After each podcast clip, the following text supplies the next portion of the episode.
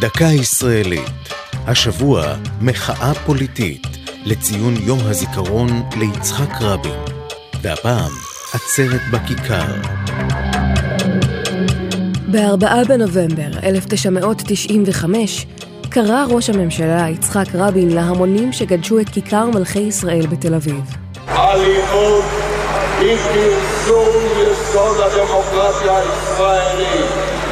יש לגנות אותה, להוקיע אותה. של מדינת ישראל. בכהונתו השנייה כראש ממשלה פעל רבין לקדם את השלום עם הפלסטינים. חודשיים קודם לכן נחתם הסכם אוסלו השני, כבסיס להסדר להקמת ישות לאומית פלסטינית לצד ישראל. שנה לפני כן נחתם גם הסכם השלום עם ירדן. במקביל היו פיגועי התאבדות של מתנגדי ההסכם הפלסטינים. נרצחו בהם ישראלים רבים, והפיגועים עוררו זעם רב כלפי ראש הממשלה. במשך חודשים התנהלו נגדו הפגנות אלימות ומסיתות. היו שהזהירו את רבין מאפשרות שיתנקשו בחייו, אך הוא לא נרתע. הסטודנט יגאל עמיר החליט לפעול. בתום עצרת תמיכה בתהליך השלום בכיכר, הוא ערב לרבין וירה בו. מותו של ראש הממשלה נקבע זמן קצר לאחר מכן.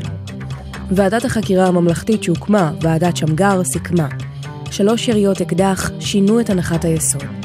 מדינת ישראל שלאחר רצח ראש הממשלה, יצחק רבין, זיכרונו לברכה, לא תשוב להיות מה שהייתה לפניו. זו הייתה דקה ישראלית על מחאה פוליטית ועצרת בכיכר.